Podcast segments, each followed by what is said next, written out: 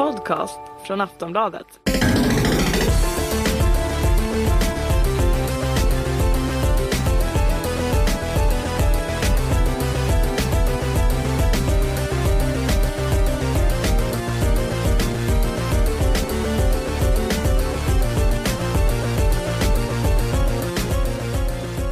Du lyssnar på Nöjesbladets spelarpodd med mig, Henrik Ståhl. Jonas Högberg. Och Kerstin Alex. I det här avsnittet ska vi prata om spelmusik. Hur har den utvecklats sedan arkadspelens glansdagar på 1970 och 80-talet? Hur står sig de gamla, lågupplösta soundtracken i jämförelse med dagens ofta svulstiga produktioner? Vilka kompositörer är störst och vilka är bäst?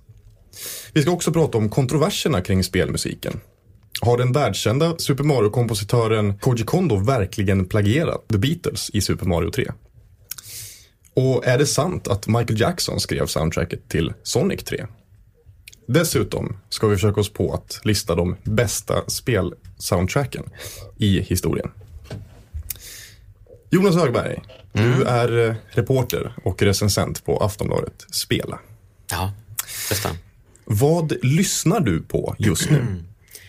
Eh, ja, det är väl i så fall Dark Souls 2 antar jag fortfarande. Ehm, det är ju inte ehm, egentligen bra spelmusik skulle jag säga eftersom jag minns absolut ingenting av musiken. Um, men däremot, uh, jag har kommit in i en sån här period igen att jag har börjat lyssna på uh, Buckner och Garcia igen. Vilket är en uh, gammal amerikansk musikduo som eh, var stora på 60 och 70-talet men som fick sitt enorma genombrott på 80-talet. När de började spela in eh, eh, låtar med tv-spelskoppling. Eh, Hur då? Jo, alltså de gjorde låttexter om tv-spel, om arkadspel, om Pac-Man, Donkey Kong, Centipede och eh, ja, en rad andra arkadspel. Så Pac-Man Fever deras paradlåt till exempel. The Donkey Kong finns en annan. Det är väl egentligen den tidens smurfhits kan man väl säga. Det är ganska, jag kan inte säga dålig musik, men det är ganska eh, enkel musik. Eh, men jag tycker det är ganska charmigt. Så om man har tillfälle så kan man eh, kolla upp det på Youtube. Kerstin, du är recensent på Ja. Aftonbladet Spela. Jajamän. Vad lyssnar du på just nu? Ehm, ja, ingenting spelrelaterat, tråkigt nog. Ingenting? Eh, ingenting. Det har inte blivit någonting. Ehm, så att det är som vanligt melodisk döds, eh, går på repeat. Och sen så har jag börjat lyssna väldigt mycket på en eh, spansk-fransk person som heter Manu Chao. Om ni känner till honom. Absolut. Så han lyssnar väldigt på. Och så har du lyssnat på Arch Enemy också som ju har lite tv-spelskoppling. Ja, en låt igår en gång, så jag vet inte fan. Men eh, absolut. Själv heter jag alltså Henrik Ståhl. Jag är redaktör för Nöjesbladets tre poddar. Spelarpodden, som du lyssnar på nu. Filmpodden och TV-podden. Och jag brukar dessutom extra knäcka som spelkompositör. Eh, just nu så lyssnar jag på soundtracket till ett spel som heter Orbital Gear. Det här är ett svenskutvecklat spel. En liten eh, indie-studio i Uppsala som heter Nightnode. Eh, det är oklart. Eh, det är alltså ofärdigt, det här spelet. Så jag har fått en pre-beta skickad till mig som jag har suttit och spelat på.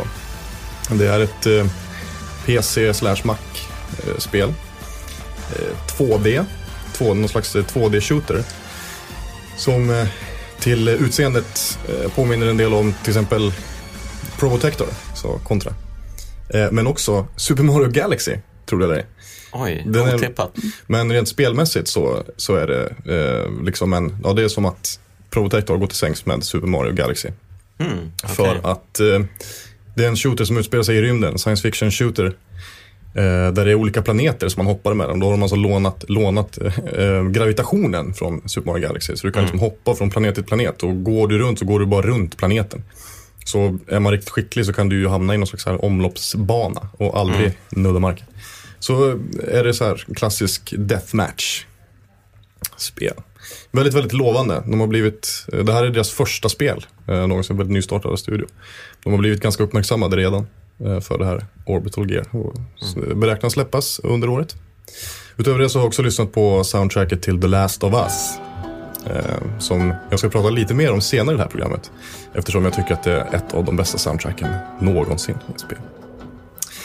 Men nu ska vi kasta oss huvudstupa in i det här huvudämnet, spelmusik. Jag tänkte vi skulle börja med att prata lite om spelmusikens historia.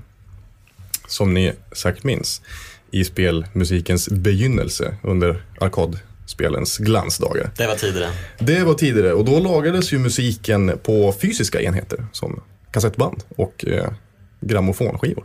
Det var inte så himla eh, bra. det, var inte, det var lite otympligt skulle man kunna säga. Eh, det första spelet, ett riktigt melodiskt soundtrack, det var ju Rally X från 1980. Vi minns ju Pac-Man också med glädje och det soundtracket. Eh, och sen så dök ju då Commodore 64 upp. Och då får man väl säga att Commodore 64 var väl lite utav eh, spelmusikens första stora genombrott. Väldigt, väldigt mycket klassisk eh, spelmusik gjordes ju till just Commodore 64.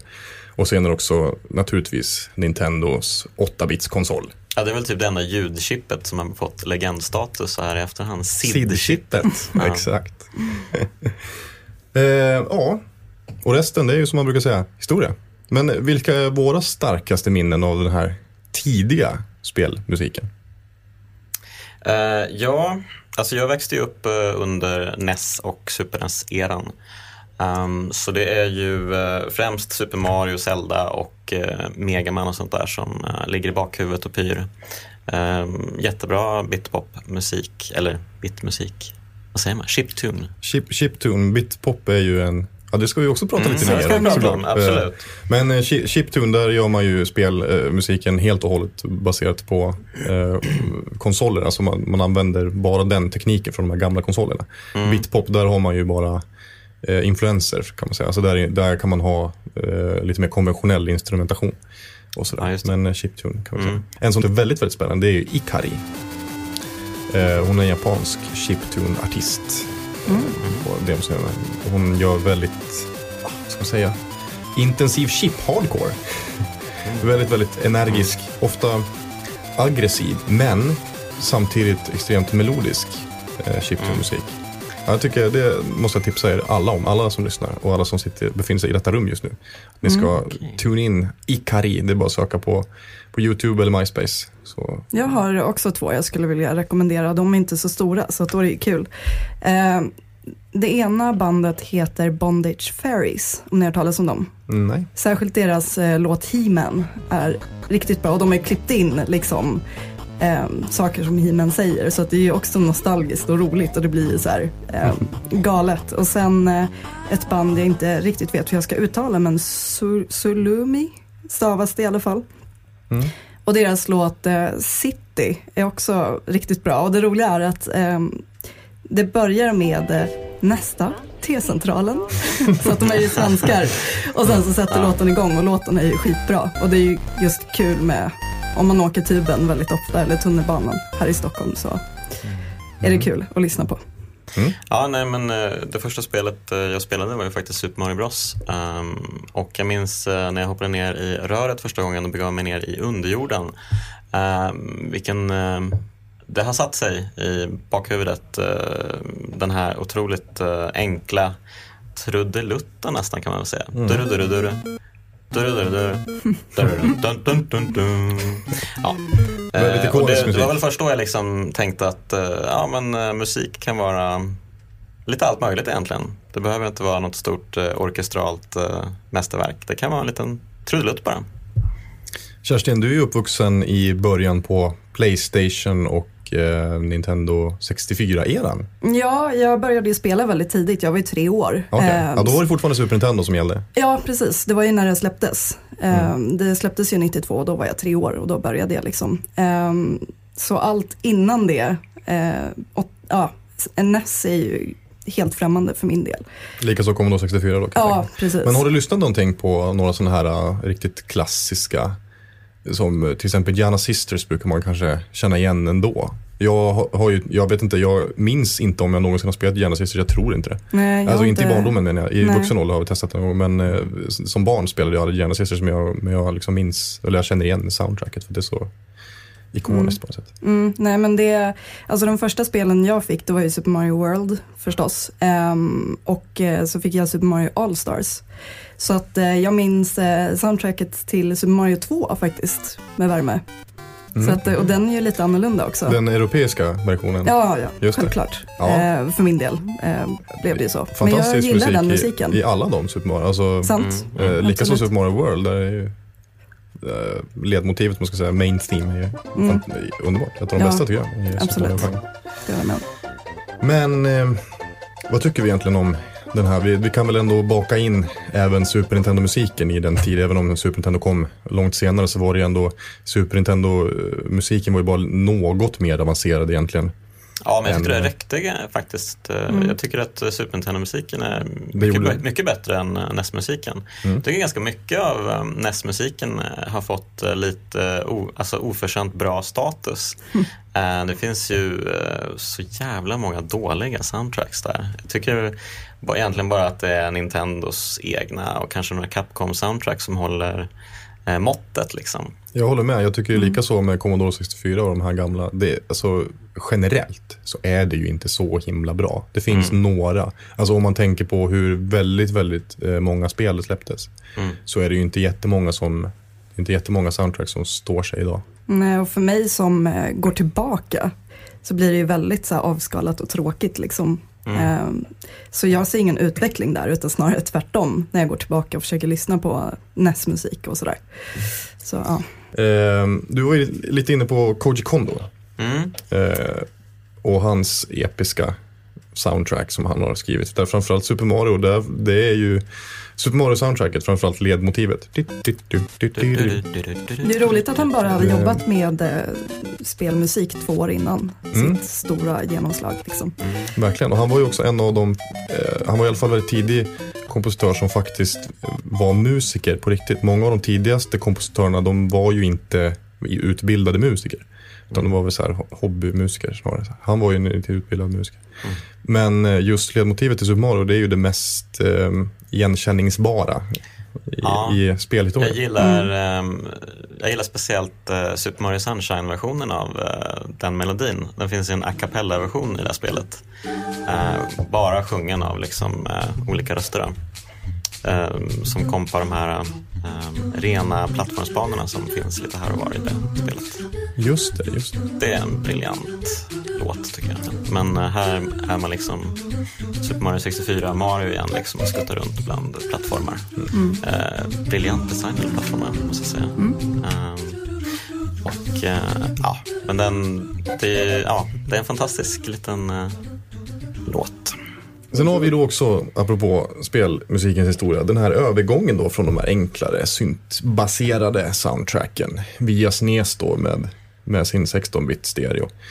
Eh, över till Playstation, där musiken plötsligt blev i klass med filmmusik, i alla fall på ett rent tekniskt plan. Det var ju CD-kvalitet på den, på den musiken. Där är det fortfarande väldigt många fans som eh, hävdar att den, den riktiga inom citationstecken, spelmusiken dog i och med denna övergång. För att ja, spelmusiken sedan dess har strömlinjeformats och mer eh, gått åt film och tv-hållet. Och förlorat sin särprägel. Håller vi med om det? Eh, ja, alltså den typen av musik dog väl typ, men jag tycker ändå att väldigt många indiespelsutvecklare har gått tillbaka till den här musiken. Så att jag har ju spelat massvis med sådana spel bara det senaste året. Eh, där man använder sig av pixelgrafik och sådär, men det har ju blivit retro mer. Ehm, men sen bara, alltså chiptune-musik till The Last of Us till exempel hade ju för guds skull inte funkat. Alltså det hade ju förstört hela stämningen just eftersom eh, spel då har utvecklats mot att, som du sa, gå mer åt filmhållet. Liksom. Och det blir ju så med den uppdaterade grafiken. Att, eh, ja, och som sagt, chiptune-musik skulle inte funka idag. Och tänk vilka extremt fantastiskt bra eh, soundtrack som hade varit helt, helt annorlunda Precis. eh, om de hade gjorts till Super. Alltså tänk om Final Fantasy 7 hade släppts till Super Nintendo. Tänk att höra One Winged Angel med som SNES-chippet. Det hade kanske inte varit riktigt lika episkt. Nej. Eller intro-låten till eh, Shadow of the Colossus. Den Exakt. Är något alldeles extra.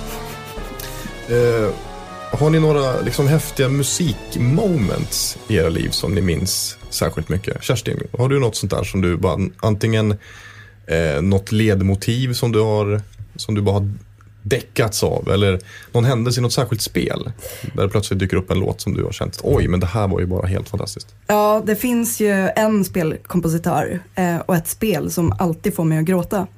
Och det är ju Yoko Shimomuras eh, musik i Kingdom Hearts. Så att det är eh, både i ettan och tvåan och introna bland annat. Eh, alltid gråter. Jag kommer ihåg att jag var på en play, eh, sån här orkester grejs, vad heter det, orkestermus... Nej, inte musikal.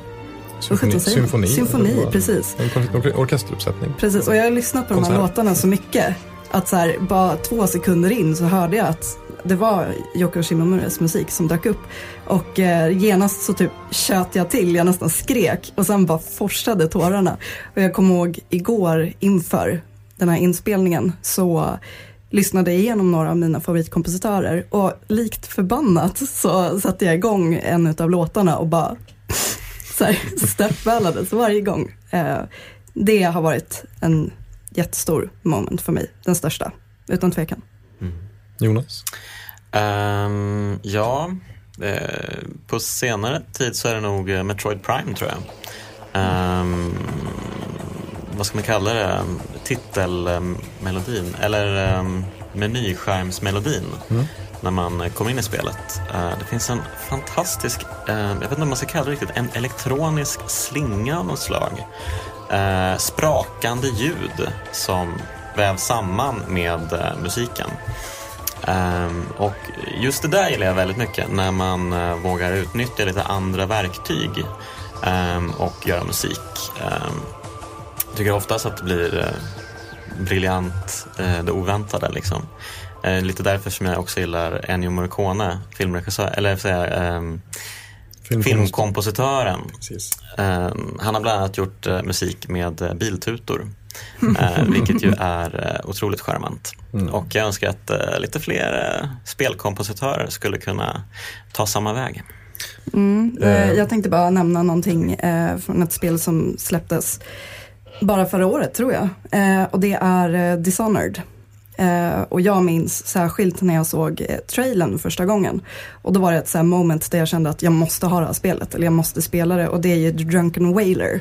ehm, som då är The Drunken Sailor, fast väldigt långsökt, eller långsökt, vad säger jag, väldigt eh, långsam. Och väldigt obehaglig. Och det var ju av Daniel Licht.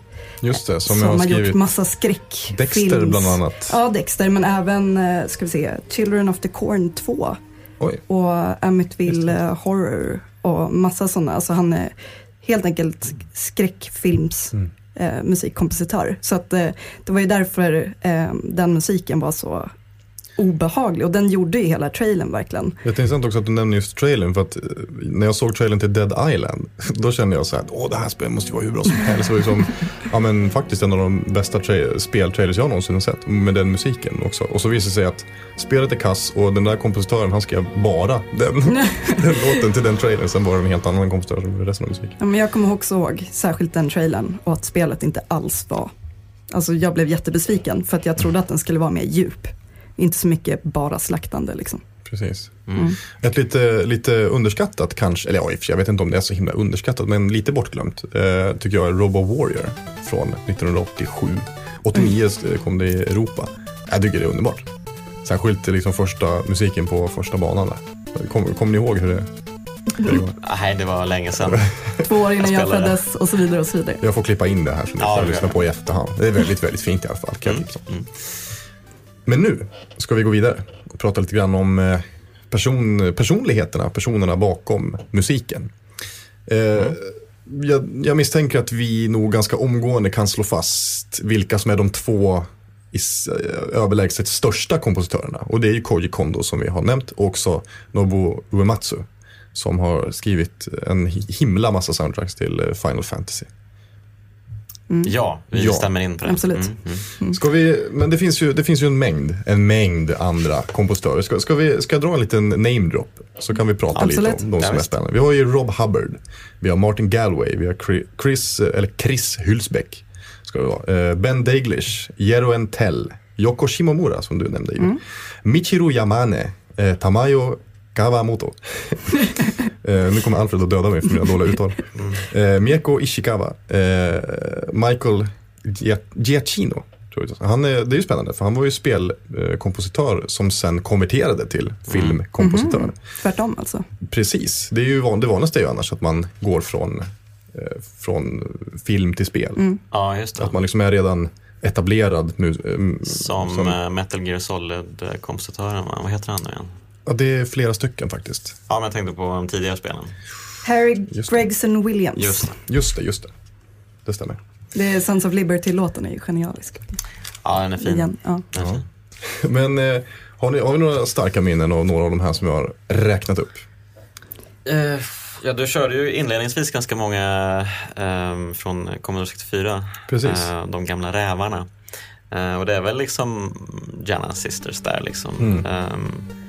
I övrigt eh, så är det väl främst eh, ja, Yoko Shimomura och ehm, eh, jag har en egen personlig favorit och det är ju han som har gjort Metroid-musiken på senare tid då, Mm. Kenji Yamamoto. Ehm, ja, Mm. Eh, tog du upp Takashi, antar jag? Eh, när gjorde jag det? Mega Man 2 Nej. snubben.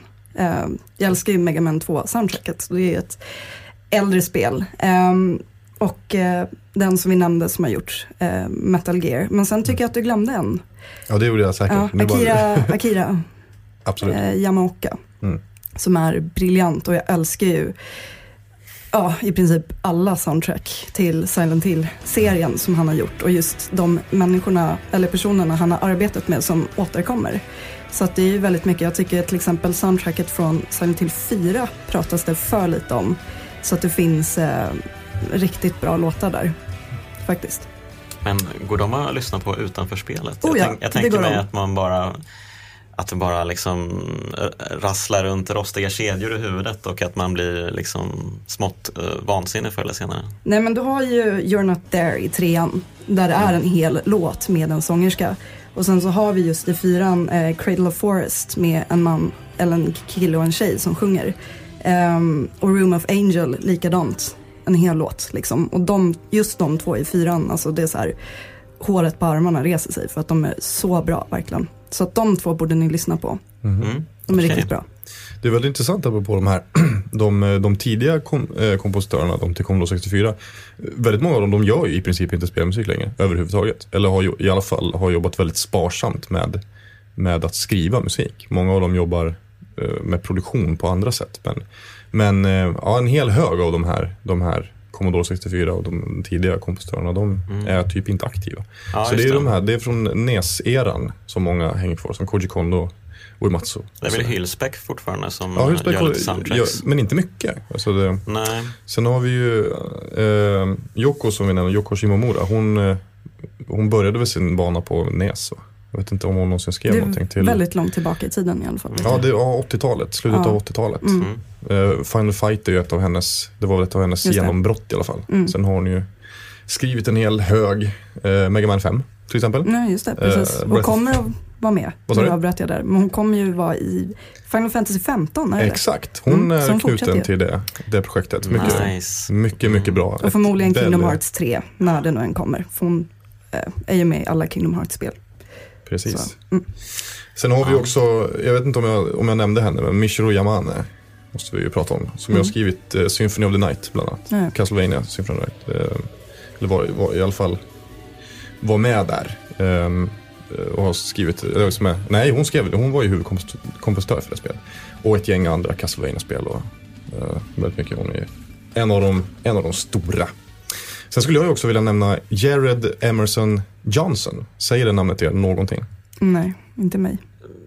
Ja. Men om jag då säger The Walking Dead och The Wolf Among Us kanske? Ja, okej. Mm. Mm. Han har- Telltales eh, Ja, snubbe. Det är Telltales snubbe. Jag skrivit mycket, mycket, mycket bra soundtrack. Men jag, jag älskar ju soundtracken till just Walking Dead och The Wolf Among Us. Jag De gillar är- särskilt den till The Wolf Among Us Ja, faktiskt. mycket härlig noir-musik Mm. liksom. Så 80-tals, en hel del 80-talsinfluenser där. Och eh, funkar ju väldigt, väldigt bra i den, i den serietidningsestetiken. Mm. Eh, Det är väldigt intressant med just Walking Dead som ju också är serietidningsestetik. Där är det helt annan typ av musik. Där är det ju mer liksom enkla gitarrer och eh, lite mera atmosfärisk eh, musik sådär. Som ska slå an lite, lite mer deppiga känslosträngar. Just det. Ja. Funkar ju väldigt bra. Mm. Ehm, Kelly Bailey, kanske ni kanske ringer någon liten klocka? Nej, Eh, Alla Half-Life-spel och Portal. Första Ah, Portal. okej. ah, just det. Eh, inte så, har inte gjort så mycket mer än det. Mm. Men eh, mm, tycker ändå att man minns, minns för, för dem. Liksom. det räcker väl, Mm. kan man tycka. Ja, men eller hur. Eh, och apropå Portal så har vi Mike Moraski som ju gjorde till Portal 2. Som har gjort till Left 4 Dead-spelen också. Men Portal 2-soundtracket tycker jag är riktigt bra också. Mm. Det gillar jag. Och sen en av mina stora favoriter nu då. Nu har han ju bara skrivit musik till ett spel. Men Gustavo Santaolalla. Som har skrivit till The Last of Us. Och skrivit soundtrack till en, en mängd filmer. Amores Perros, Älskade hundar. Eh, 21 Grams, Brokeback Mountain som han vann Oscar för. Eh, vann även Oscar, Oscar för Babel. Och eh, har skrivit till On the Road också. Mm. Det finns många. Vi, kom, vi kommer inte hinna nämna alla, så är det bara. Ja, eller. Nej, men en, en vi skulle kunna nämna eh, så här med ett litet löjetstecken över. Eh, nu har ju nämnt eh, alla som vi mm, dyrkar och Mm. gillar. Men om man ska släppa någon i smutsen lite extra så är det ju faktiskt eh, eh Resident Evil och Onimusha-kompositören Mamoru Samaraguchi. Ehm, det har säkert eh, en del lyssnare redan- läst om. Eh, det var ju för några veckor sedan som det kom ut att ehm, eh, faktiskt eh, har en del på sitt samvete. Han eh, är nämligen känd som eh, den nutida Beethoven. Ehm, eh, och det är då för att han är döv, eller han har sagt sig vara döv. Eh, nu har det då kommit ut på senare tid att eh, han kanske inte alls var döv när han skrev de här soundtracken. Utan istället har anlitat en annan lirare att skriva dem åt honom. Så det har blivit en stor härva om det här i Japan. Och eh, personen då som eh, har skrivit soundtracken och eh, annan musik åt Samaraguchi i 18 års tid är alltså musikprofessor. Han heter Takashi Nigaki. Och han har alltså gjort offentlig avbön och samtidigt avslöjat att eh, Samaraguchi inte är döv utan att han har pratat och samarbetat med honom. Eh, och det har också framkommit då att eh, Capcom som eh, står ju bakom Resident Evil, Directors Cut och Onimusha då, som han har Samaraguchi upp getts skriva soundtrack till. Att de har vetat om att han inte alls är döv och att de också har spelat på det här kortet då för att ytterligare framhäva sina alster. Men den här professorn, var han döv? Nej, Eh, tyvärr så var ju inte det då. det finns ingen dövhet i den här historien. Eh, utom en inbillad. Ja, alltså Samaraguchi själv hävdar ju då att han har fått tillbaka hörseln Just de det. senaste tre åren. Ehm, och då finns det medicinsk expertis som hävdar att eh, det i så fall skulle behöva klassas som ett mirakel. Eh, att vara helt döv och sedan återfå hörseln är nästan komplett omöjligt.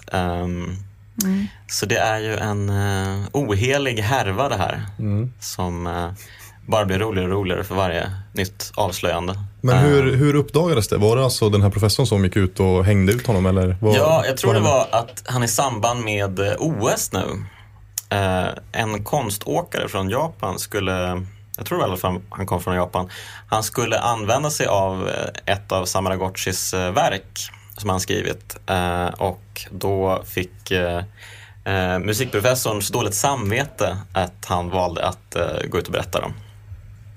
Och sen dess så har det varit olika grejer fram och tillbaka. Jag gillar speciellt att det finns en YouTube-video där en besviket fan har placerat Samaraguchi i vittnesbåset på Phoenix Wright, alltså advokatspelet. Eh, och eh, gett honom sällskap med eh, teckentolken från Nelson Mandelas begravning. alltså han som tolkade helt åt helvete Man galet. hittade bara på. Eh, han som bara, ja, han fejkade allting verkar det som. Mm. Skojigt. Sk- Väldigt skojigt. Ehm, finns en annan väldigt rolig historia med svensk koppling. Eh, spelet The Legend of Mana känner ni till? Ja, Ja, absolut. ja. Eh, fjärde spelet i Seiken Densetsu-serien. som ju Secret of Mana var del två i. Eh, Secret of Mana var den enda av de spelen som kom till Europa. Yes. Eh, Legend of Mana i alla fall eh, släpptes aldrig i Europa. eh, släpptes däremot i Japan 1999. Och det var alltså Yoko Shimomura, Kerstins stora favorit och en av mina stora favoriter också. Som skrev soundtracket till detta spel. Och ledmotivet till det här spelet hade hon bestämt för att hon ville ha en, eh, en utländsk artist som skulle sjunga på. Och då eh, så hade hon på något sätt snubblat över svenska Annika Ljungberg.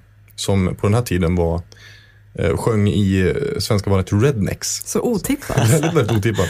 Och bara så här, enligt uppgift så, så var det som att hon bara så här, jag ska ha henne. Och hon satte sig i princip på ett flyg direkt.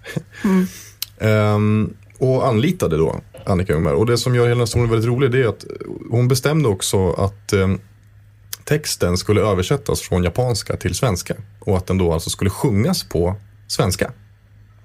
Vilken, vilket den då också gjorde. Annika Ljungberg, eh, eller ja, Yoko Shimoras team kom till Stockholm ehm, och spelade in det här med Annika Ljungberg i Polar Studio i Stockholm.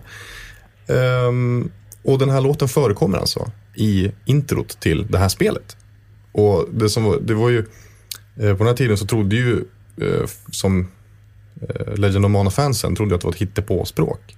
Så var det någon som bara, nej men jag tror det där är svenska. Och liksom, liksom, det var, ja, men, jag minns det här väldigt väl för att jag hade en kompis som på den här tiden, början på 2000-talet, som eh, piratkopierade spel. Och lyckades få hit olika, olika ja, men, så här spel som man aldrig fick tag i annars, som inte släpptes i Europa, som eh, Chrono Trigger och sånt där. Liksom. Och han importerade väldigt mycket, importerade liksom amerikanska och så.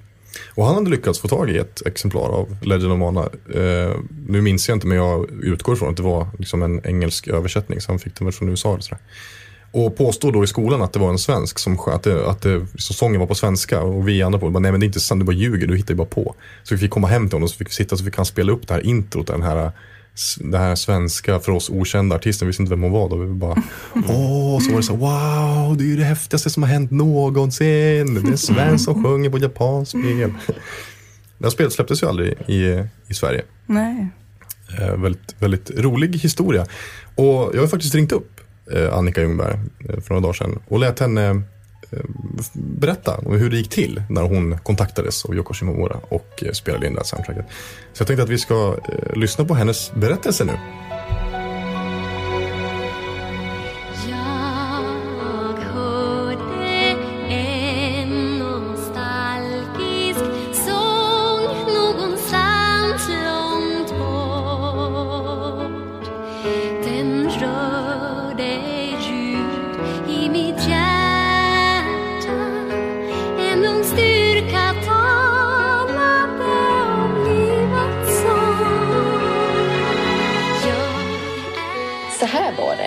Att eh, hon kontaktade mitt management och fick eh, höra röstprov eh, som hon tyckte var exakt det hon sökte vad jag förstår. Det var en ganska rolig resa fram till att jag träffade Jocko och hennes team i Polarstudion i Stockholm. Vi fick ju en japansk version och eh, som vi då översatte här av en svensk tjej som inte hade en clue hur själva rytmiseringen av den här texten skulle appliceras på, på själva melodin. Så det var många grå hårstrån Henrik innan vi fick eh, klart för oss exakt hur de ville ha. Men eh, och det var inte en walk in the park. För att japanska, som du kanske känner till, har ju en otroligt mycket ändelser, mycket stavelser och mycket, mycket text på en väldigt kort eh, sekvens. Så att få det här då översättas med rätt innehåll och få, det, få ett flow i det. Så att det var till en början en väldigt teknisk eh, teknisk utmaning att överhuvudtaget få det att funka och att få då japanerna att okeja det här i Polarstudion och hade de sagt nej men det här funkar inte då hade vi haft en ganska svår situation. Det var en av de eh, mest spännande eh, stunderna i en studio jag har haft eh, i min 20-åriga karriär kan jag säga. Men det gick bra tror jag.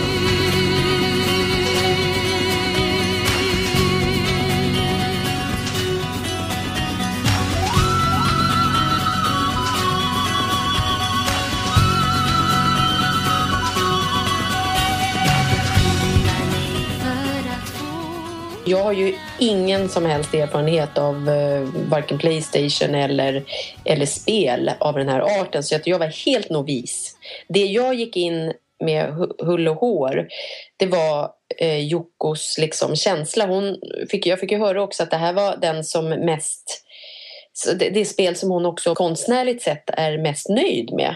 Så jag förstod att det här var ett litet livsverk för henne. Och, alltså hela kompositionen har ju Jocko verkligen lyckats med fantastiskt bra. Man kan, utan att jag eh, är en eh, speltjej överhuvudtaget så, så kan jag ändå känna när jag blundade, jag blundade när jag sjöng den här och kände verkligen hur jag var där med det här magiska svärdet och de här utmaningarna och liksom, ja, jag försöker verkligen förflytta mig och, och eh, musiken talar verkligen sitt tydliga språk här tycker jag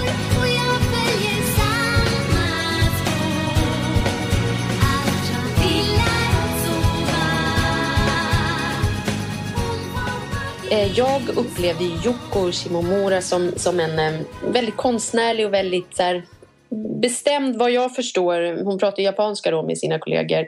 Eh, men jag förstod vad hon var ute efter. Någonstans så kunde jag känna att vi, vi talade samma språk konstnärligt. Liksom.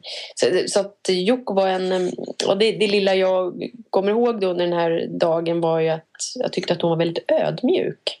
Förklarade de någonsin för dig varför de ville att den skulle översättas till svenska och sjungas på svenska? Nej, eh, det var för mig ett, eh, ett frågetecken. Vi hade ganska tajt om tid när de flögs in till Stockholm. Så att de stod där och jag, jag försökte stå på min plats längst fram i Polarstudion där och utan, inget bås utan jag stod öppet i studion så att de skulle kunna kommunicera med mig så tillvida liksom med kroppsspråk. Eftersom vi inte riktigt förstod varandra alla gånger. De kan ju bra engelska en del av dem men de, de blir speciella japaner liksom och de, det är inte så här, det är inga outgoing people utan de är inte så här teatraliska och gestikulerar utan de, de står och överlägger i klunga liksom. så det, man står där i sin lilla, på sin lilla plätt och, och bara ska prestera. Så att samtidigt var det en väldig press. Alltså. Det är inte så att man går in och skapar med feeling och wow, rock on som när jag spelade in med Anders Bagge. Han drog en vits var tionde minut och drog ner byxorna så man skrattade som man dog. Här var det ju liksom något helt annat. Här, här är, står man på sin tilldelade plats och gör sitt jobb. Liksom. Det är kontrasterna i livet som gör det minnesvärt. Liksom.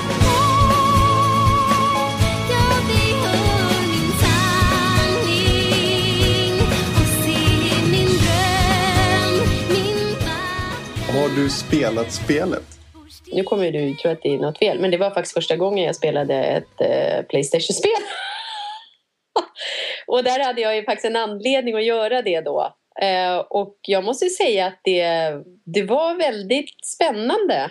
Sen har jag varit med och, och tagit fram spel både för Redneck som också hade ett spel och för Disney och sådär. Men eh, Legend of Mana är min första och du vet ju hur man brukar säga om den första upplevelsen i någonting som är eh, på okänd mark och det, det är en upplevelse jag aldrig glömmer.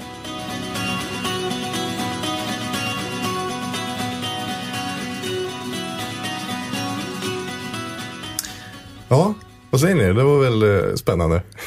Ja, Ja, oj, oj, oj. Vilken, vilken resa. ja, eller hur? Väldigt eh, galen historia liksom. Eh, ja, men apropå svenskar i spel så har vi ju eh, svenska Arch Enemy eh, som då är ett melodiskt dödsmetalband som är med i Lollipop Chainsaw. De tog ju upp, eller in jättemånga metalband liksom, men just det här är ju ett svenskt band. Ehm, och sen så använder de sig även om, om, eh, av eh, finska Children of Bodom som är ganska stora i genren. Och sen så har vi ju José González i Red Dead Redemption. Och han vann ju ett pris, jag minns inte riktigt vart, men eh, så att det blev ju ganska stort. En Eh. passage precis när man, när man har kommit över till Mexiko. Ja, det är precis på gränsen till Mexiko. Ja, Precis. precis. Så sätter den igång och sen så spelar den alltså under hela den här i princip, ja det var fyra minuter lång eh, färd. Eh, som man färdas på, häst alltså till dit man nu ska. Så eh, går hela den låten. En kul grej med den är att eh, Johan Martinsson, även känd från uh, spelarredaktionen, eh, har berättat för mig att när han eh, lyssnade på det här, när han gick över gränsen till Mexiko och fick höra José González sköna stämma, så gick han av hästen för att eh, njuta ytterligare av det. Men då slutade låten. Jaha. Mitt i, När, aha, när han gick och hoppade av hästen? Ja. Man måste alltså sitta på hästen? Uppenbarligen. Ett tips till alla som lyssnar på det här. Gå inte av hästen. av hästen. Låten heter väl för övrigt Far Away va? Ja, Mm. ja. Det är en av hans bästa tycker jag. Så. Eh, spännande, spännande. Det finns ju andra lite roliga historier. Känner ni till James Banana? Ringer någon klocka? Eh, en liten, liten klingande klocka. det låter lite bekant. med- Castlevania. Castlevania-kompositören. Mm. Eh, som visade sig vara kompositörer. Eh, dessutom kvinnliga. Just det, Mm. precis. Två tjejer. Alltså Konyo Yamashita och Satoe Terashima. Eller S. Terashima tror jag hon hade som cred. Men ehm, hon, eh, Terashima, hon skrev ju sen eh, soundtracket till Castlevania 2. Som ju faktiskt innehåller en av, av seriens absolut mest älskade låtar får man ju säga, Bloody Tears. Eh, men det där var lite spännande för det var, det var ändå en, alltså okej nu, många är verkligen, verkligen en överdrift, men det var flera kvinnliga eh, kompositörer, japanska då framförallt, kompositörer på NES-eran som, som skrev mycket musik men som inte fick cred för det. Eh, till exempel så trodde man ju länge att, att eh, Yoshihiro Sakaguchi ehm, då under pseudonymen Yuki-chans pappa skrev musiken till första Mega Man. Men, eh, men så var det inte alls, utan det gjorde Manami Matsumai.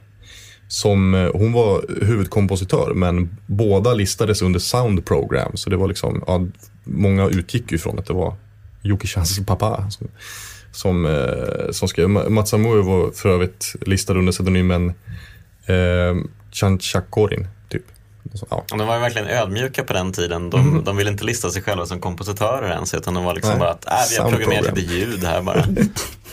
Det, är lite, det är lite ljud som låter som eh, en låt. Ja, i bästa Ja, fall. I bästa fall. Om man pratar om icke chiptunes-band också, eh, eller icke bitpop-band, så eh, kan man väl i alla fall slå fast att, att även mer konventionella artister i alla fall har influerats av den här scenen. Mm. Där har vi ett, ett väldigt starkt exempel, eh, en eh, kontrovers.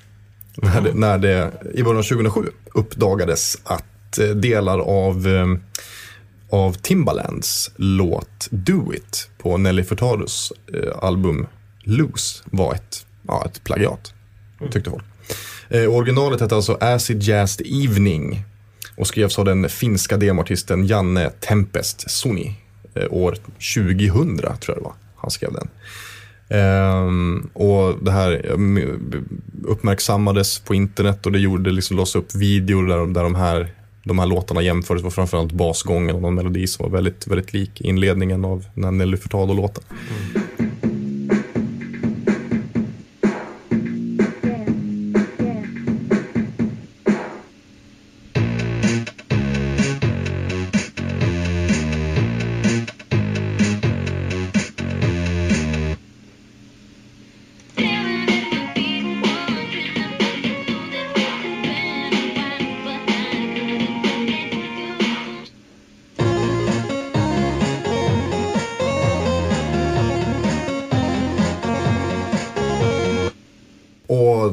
Stackars Janne då, han eh, försökte ju få någon form av cred och, och pengar, kan man väl anta, eh, för detta. Men förlorade i samtliga instanser, både i Finland och USA, så torskade han alla de här, alla de här eh, rättegångarna.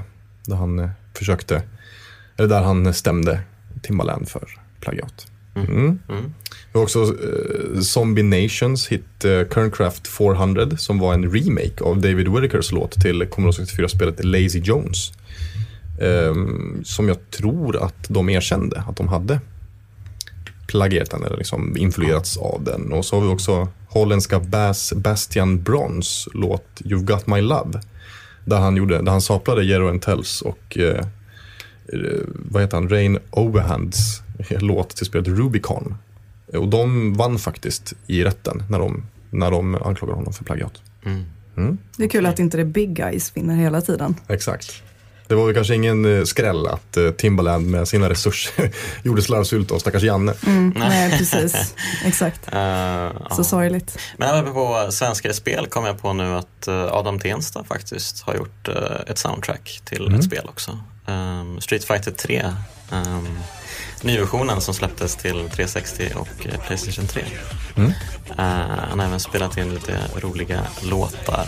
Uh, kan vara värt att kika upp på Just det, men Youtube. My, My Cool, eller vad den heter, som han slog igenom är ju väldigt tv-spelsinfluerad. Ja, verkligen. Ja, men han, han, han är big on games. Mm, absolut. Apropå dessa kontroverser så leder det ju oss osökt in på nästa ämne som ju är just kontroverser och eh, plagiat. Eh, inte ens våra allra mest folkkära spelserier är ju faktiskt fria från svidande kritik förstås. Eh, sexismen i Super Mario har ju påpekats mer än en gång inför och efter alla nysläpp. Eh, det här med att Super Mario, den starke mannen, rörmokaren, ska alltid ska rädda stackars, stackars eh, prinsessan Peach. Och när hon väl är med så är hon ju lättast att spela också. Ja, gud ja. Och, ju- och allt är så rosa fluffigt och gosigull. Och just att man kan sväva med henne underlättar ju väldigt mycket. Just, och just att hon är tjejkaraktär då, och att hon ska vara lättast Mm. att spela. Hon och Daisy som hon fick i, visst introducerades hon i, i Mario Kart? Alltså, ha- hade hon varit med i något spel innan? Mario Kart 64 tänker jag Ja, på. Daisy ja, exakt, Mario var nog eh, Super Mario Land tror jag. Ah, Prinsessan man just räddade där. Det är nog ett av de Super Mario-spelen som jag har spelat allra minst. Mm. Super Mario Land. Eh, måste jag ju ta, sätta tänderna igen. Men apropå- Sen är jag ja. lite osäker, original Donkey Kong, eh, vad hon hette där. Mm. För det var inte Peach och det var, jag tror inte att det var Daisy, jag tror det var en helt tänk, annan tjej. du tänker alltså där var Jumpman istället för ja, Mario? precis. Ja, Där, um, Und- ja. ja. Hon hade något namn, men jag kommer inte ihåg det. Just det. Sen har vi också det första Zelda-spelet. Eller ja, Ze- Zelda-serien överhuvudtaget omgärdas ju av en del kontroverser. Men i det allra första Zelda-spelet eh, så skapades ju en liten storm i ett vattenglas. Eh, I och med den här tredje grottan. Som ju var formad som en eh, spegelvänd svastika, tyckte folk. Och bara, men oh my god, så nazism i Zelda. Eh, nu råkade det ju vara så att det här i själva verket var en så kallad manji som är en buddhistisk symbol för lycka. Men om vi ändå pratar lite grann om nazistsymboler och svastika så förekommer det faktiskt en, en svastika i, i spelet eh, Final Fantasy Legend. Eh, om ni känner till det. Det heter ju egentligen Makai, to, eh, Makai Toshi Saga på japanska. Men när det lanserades utanför Japan så la man till Final Fantasy för att de trodde att det skulle boosta försäljningen. Så gjorde de med lite andra spel eh, också som fick liksom, eh, epitetet Final Fantasy. Men hur som helst, i det här Final Fantasy Legend, första Final Fantasy Legend, där finns det ju en, eh, en nivå som heter Skyscraper. En skyskrapa. Och där finns det alltså, eh, i denna skyskrapa så finns det ett rum som heter Room of, eh, room of Stairs. Och den är alltså formad exakt som en svastika. Det ser Ja. verkligen, verkligen ut som en Men svastika. det är, alltså, grejen är den att man får ju tänka på att det är ju i västvärlden som vi kopplar det med nazism. Och i väldigt många delar av världen, eh, ja, nej men Asien till exempel, eh, Indien bland annat, så är det en helt annan symbol. Mm. Ja, det det är är liksom en- så vi får tänka. Det är i första hand en buddhistisk, bland annat. Ja men precis, symbol och ja, just det, liksom buddhistisk. sol- solsymbolen och lite sådär också. Precis. Men eh, det är väl lätt att göra den kopplingen att det är ett japanskt spel, det är en svastika, Japan stod på Tysklands sida i andra världskriget, hej och hå, du vet. Nu vet Jo, det. men det var ju fortfarande inte, Nej, de var det- inte tyskar. Det, man kan, liksom. nej, exakt. Men man, man, det är ju ändå, eh, liksom, jag tycker att det är uppseendeväckande. men Man, man studsar till på det när man ser den här bilden. För att vi är västerlänningar, Ja. helt enkelt. Absolut. Mm. Ehm, sen finns det, det finns lite annat när det gäller uh, Zelda då. Så har vi den här Gerudo-symbolen. Eh, bland annat då. Hur ser den ut? Det har jag glömt bort. så, jag vet inte, det tog mig lite på sängen, jag ska sitta och Ja. beskriva. För, förr i alla fall, från början så bestod den av en måne och en stjärna. Men eh, så tyckte man att nej, men det, det är alldeles för likt den muslimska symbolen. Okej. Så då gjorde man om den till i, eh, ja det var nog, ja det var, måste ju ha varit i Ocarina of Time. Som man, där gjordes den om då till, den, till den symbolen som den är nu. Mm. Grudosymbolen. Okay. Och även då det här äh, mässandet i Fire Temple, om minns, i Ocarina of Time. Eh, var tydligen ja, i princip äh, eh, sampl en sampling från ett muslimskt bönutrop eller liknande.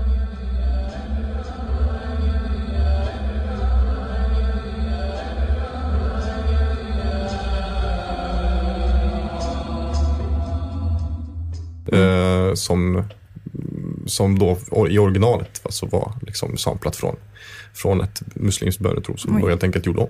Mm. Till exempel, så har vi också första Ocarina of Time, om vi nu pratar om Ocarina of Time, Ocarina of Time-trailern med texten Willst thou get the girl or play like one? Ooh. Den är, den är inte bra. Eh, De gjorde om den sen. Jag tror att den släpptes och blev väldigt hårt kritiserad. Så gjorde de om den. Det hoppas jag att den Mm. blev. Herregud, Jag kommer inte alltså. ihåg faktiskt vad de gjorde om den till. Men det var något, något lite mindre sexistiskt i alla fall. En annan så här liten kontrovers eh, kring just Zelda. Jag vet inte om man ska kalla det en kontrovers egentligen. Men det, det blev lite kontrovers eh, bland fansen. Det var ju när eh, det här uh, Future Zelda dök upp. Kommer ni ihåg det? Eh, Future Zelda. Ja, det var, det var en, en sajt som hette We TV tror jag. Som la upp en, eh, en video. Där de så här, berättade om ett, ett nytt Zelda. Som ska utspela sig, skulle utspela sig i framtiden. Och om de ska säga science fiction Zelda så la de upp så här concept art. Och bara, ja men så här, det här kommer, jo det kommer komma. Så det, det var innan Skyward Sword hade släppts. Så det var så här, men det här kommer vara nästa Wii Zelda-spel då. Eh, Jag har för mig att det kallades Zelda Future eller någonting i den stilen bland, bland fansen. Och som en helt bisarr, folk var ju vansinniga. För bara, men vad håller de på med? Varför ska de göra en science fiction Zelda? Det kommer ju bli pannkaka. Och det visade sig såklart vara ett skämt. Eller ja, det var liksom det var en, en bluff bara sådär. De hade tagit, eh, de hade tagit konceptskisser från Final Fantasy 7 bland annat. Och Bakat ihop det med lite annat. De hade, roligt för det var ju så att de hade typ att eh, hästen i Pona var en eh, motorcykel. så, och sådana grejer. Eh, men så har vi ju alla, alla dessa plagiat, mina kära vänner. Eh, jag nämnde ju i inledningen här ehm, Koji Kondo och hans, alla hans plagiatanklagelser. Han har några plagiatanklagelser hängande över sig. Men ett av de främsta, eh, kanske mest omdebatterade, det är ju det här så kallade plagiatet i Super Mario 3.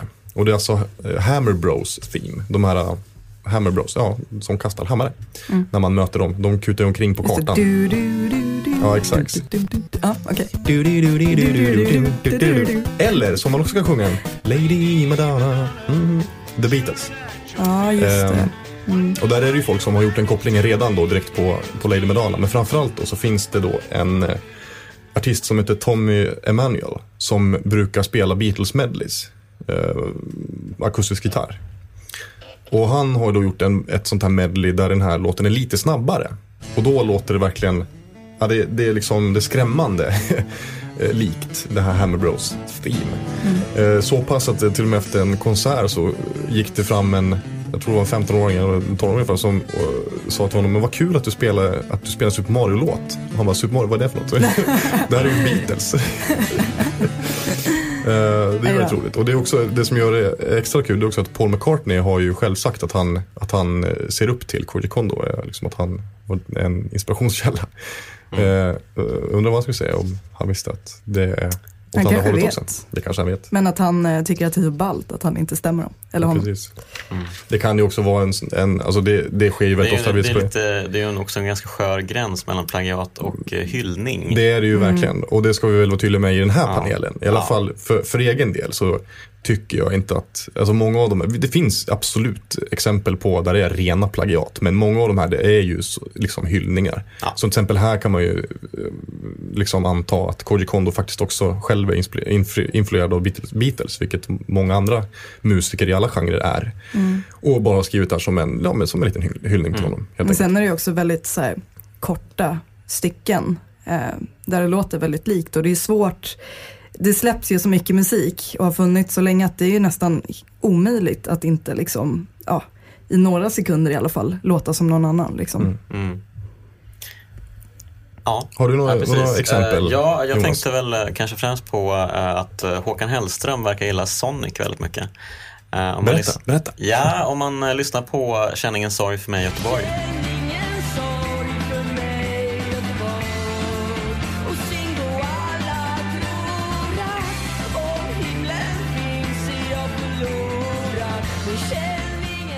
Ehm, så finns det eh, starka kopplingar till eh, en låt i Sonic 1, eh, Sonic Bridge Theme. Ehm, där i alla fall den, de första 5-10 sekunderna i låten påminner extremt mycket om slingan som går i Känn ingen sorg för mig Göteborg.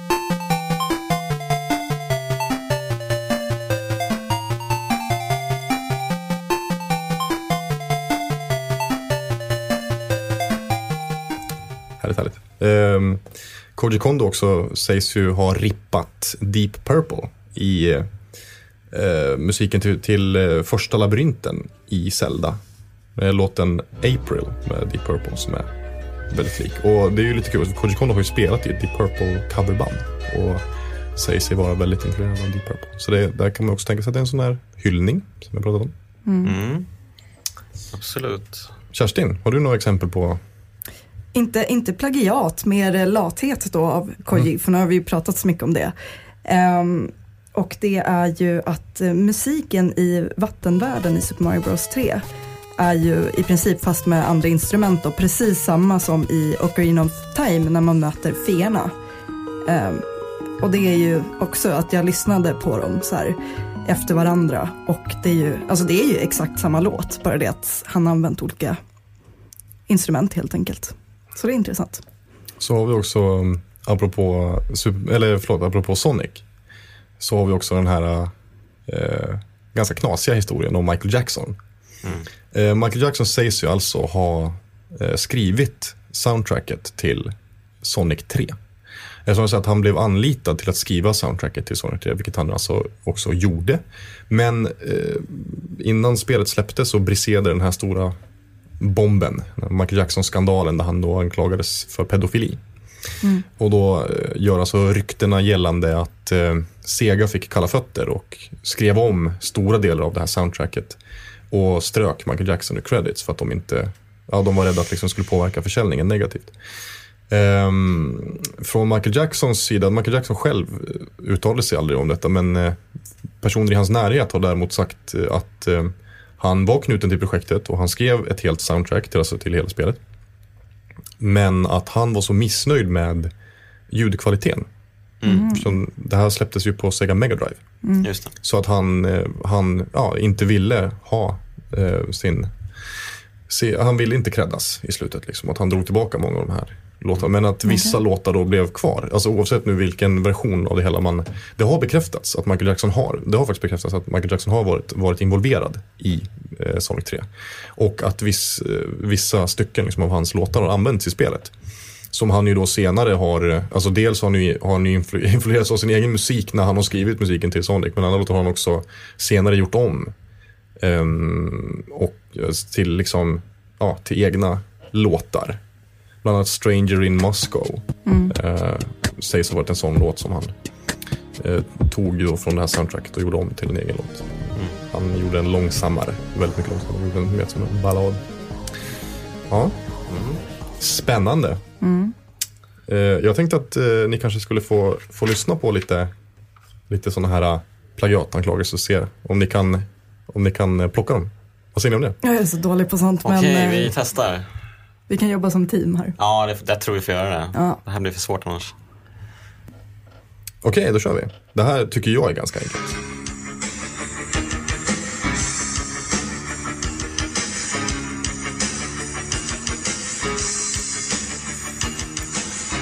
Känner ni igen spelet till att börja med? Nej. Okej, Ja, okej. Eller nej. Jag vågar inte säga någonting. Jag är så jävla dålig på musik, men jag, ja, jag tror jag känner det. Spelet är alltså Doom 2. Ah. Och inte eh, spelat faktiskt. här kommer eh, den riktiga låten. Ja men gud. det här är ju rakt av. Det är verkligen låten. Ja. Vad är det för band? Eh, Det är Alice in Chains, Them Bones, en av deras mest kända låtar dessutom. Åh gud. Ja, den är härlig. Ja, då kommer en till här nu då.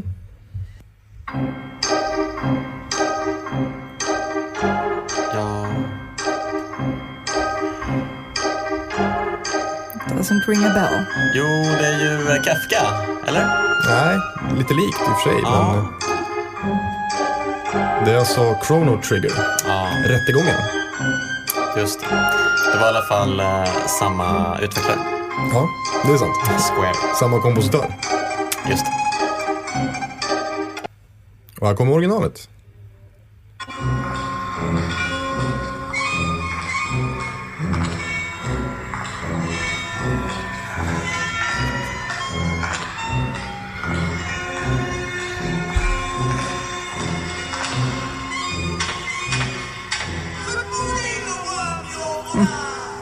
Känner ni igen det? Det verkar vara någon Disney-film, kanske. Det är Pink Floyd från The Wall. Men eh, Ja, ja, okej. det roliga med den här låten heter alltså The Trial. Och det som vi hörde innan med Chrono Trigger, den musiken spelas alltså under rättegången i början av spelet. En, en hyllning? Frågetecken. Ja, Eh, Vi hoppas. Här kommer sista nu då.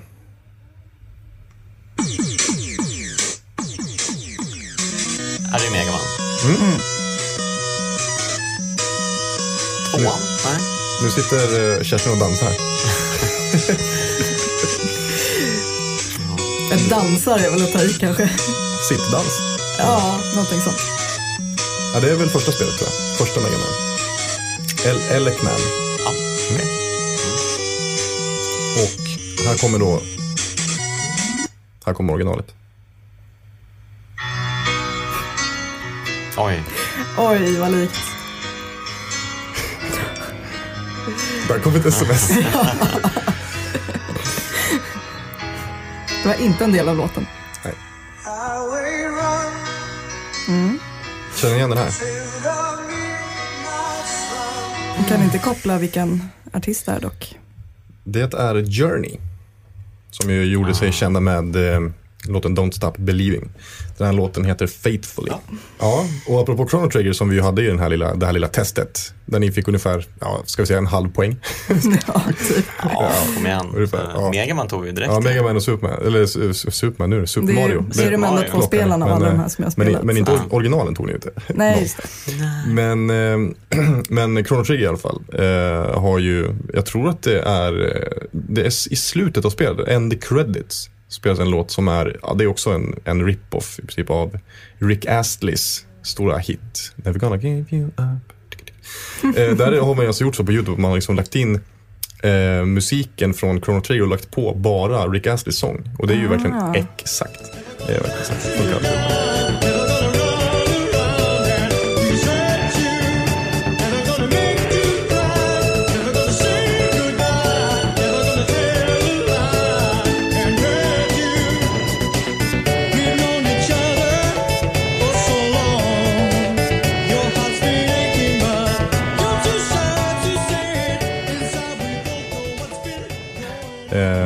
Väldigt, väldigt roligt.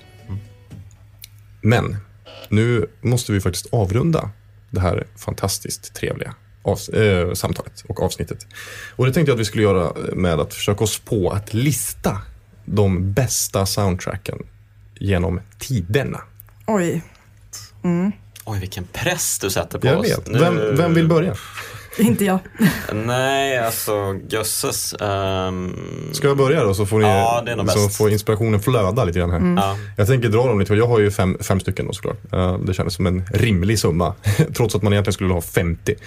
Eh, Jätte, jättesvårt för övrigt att liksom någon slags rangordning. Eh, Jag tycker att jag, min topp i alla fall känns överlägsen och det är Final Fantasy 6. Det tycker jag är det. ja, det är fantastiskt. Absolut. Uematsu. Ett fanta- helt underbart. Eh, Allt i det spelet är ju underbart. Men eh, soundtracket är helt fantastiskt. Så nummer två har jag satt upp Final Fantasy 7. För det tycker jag också är. Det, de här två soundtracken tycker jag ju är hans eh, i särklass bästa. Följt av Final Fantasy 10. Som är ett väldigt underskattat soundtrack. Och ett väldigt underskattat spel. Eh, men jag har dock inte Final Fantasy 10 på min lista. För nummer tre på min lista där har jag Super Metroid. Som vi redan har pratat om. Nummer fyra har jag Zelda och Arena of Time. Och där är det ju, egentligen skulle man vilja sätta alla Zelda-spel överhuvudtaget. Men måste man välja ett, då får det bli Ocarina of Time. För det är ett väldigt bra soundtrack. Och nummer fem, The Last of Us. Jag kommer inte ihåg någonting Ett- i musikväg. Spelet är ju en besvikelse var det ju tycker jag. Ja, Eh, samma här. det var ju absolut ingen 5 plusare, jag skulle säga att, ja, 3 plus. En trea, kan vi jag satt. Särskilt Ja. efter att man har spelat Left Behind som ju var bättre än, än Mycket bättre. Så Mycket, DLCn Left Behind som var mycket bättre än själva spelet. Oh, ja. Men eh, soundtracket är ju något utöver det vanliga tycker jag. Jag tycker det är eh, grymt. Jag brukar lyssna på det. Mm. Eh, liksom på väg till och från jobbet till och med. Så himla bra är det. Ett sånt där klassiskt eh, soundtrack som inte gör sig så himla påmind i spelet. Men när jag lyssnade på det i efterhand, för jag tyckte att det var väldigt bra redan när jag, spelade spelet, men när jag lyssnade på det i efterhand så kunde jag placera precis varenda ton var de kommer i spelet. Och det är, ju, det är ju verkligen en konst. Att få till ett soundtrack som inte tar så extremt mycket utrymme. Men som ändå är så gjutet. Ja, ja. Visst. Men eh, okej, men eh, det är klart, Metroid-spelen gillar jag ju såklart väldigt mycket, deras soundtrack. Men eh, om jag ska dra till med någonting annat så skulle jag nog vilja slå ett slag för The Wind Waker, um, Zelda-spelet då. Eh, det är nog mitt favoritsoundtrack av Zelda-spelen. Um, otroligt, otroligt fin musik. Um, uff, I övrigt, eh, svårt känner jag. Ja, Eh, vad, vad tycker du Kerstin? Alltså problemet med mig det är att jag, jag plockar ut särskilda låtar som jag tycker om. Det är typ inget spel förutom Ocarina of Time där jag känner att allting klatschar liksom med min smak. Så att eh, just så här, ja, hela soundtrack är helt omöjligt för mig. Det är väldigt mycket så main themes som jag tycker om och de flesta har ju tagit upp. Men Kingdoms Hearts måste ju i alla fall ha någonstans högt på en, Absolut, en någon typ men det är, också, det är också så här 50-50. Vissa låtar är så här. Ehm, särskilt typ bossfighter och sånt där när man är mitt emellan. Um, så introlåtarna och ehm, det som avslutar spelen är ju fantastiska. Och sen som jag har tagit upp så är ju vissa av Akira Yamaokas eh, låtar skitbra. Och sen har vi de här där det bara är en massa rossel och sånt som man ändå inte kan lyssna på. Liksom. Ehm, och likadant med Metal Gear inledningslåten, Dishonored, eh, trailern. ehm, så att det är, jag gillar ju Battlefield 2-låten också. Men hela soundtracket där är också så här, meh. Så att jag kan inte riktigt rabbla upp liksom, ett spel förutom Ocarina of Time. Och där är ju Song of Time och Windmill-låten som är typ så bra, verkligen. Mm, mm.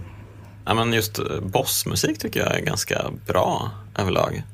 Eh, man tänker ju på många Megaman-spel, man tänker på, jag tänker på Metal Gear Solid 2 tror jag. Mm, Sons of Liberty. Sons of Liberty, precis. Eh, jävligt bra bossmusik i det här spelet. Mm. Ehm, eh, och såklart uh, Shadow of the Colossus. Ehm, Även om det är väldigt lite musik i det spelet. Men, eh,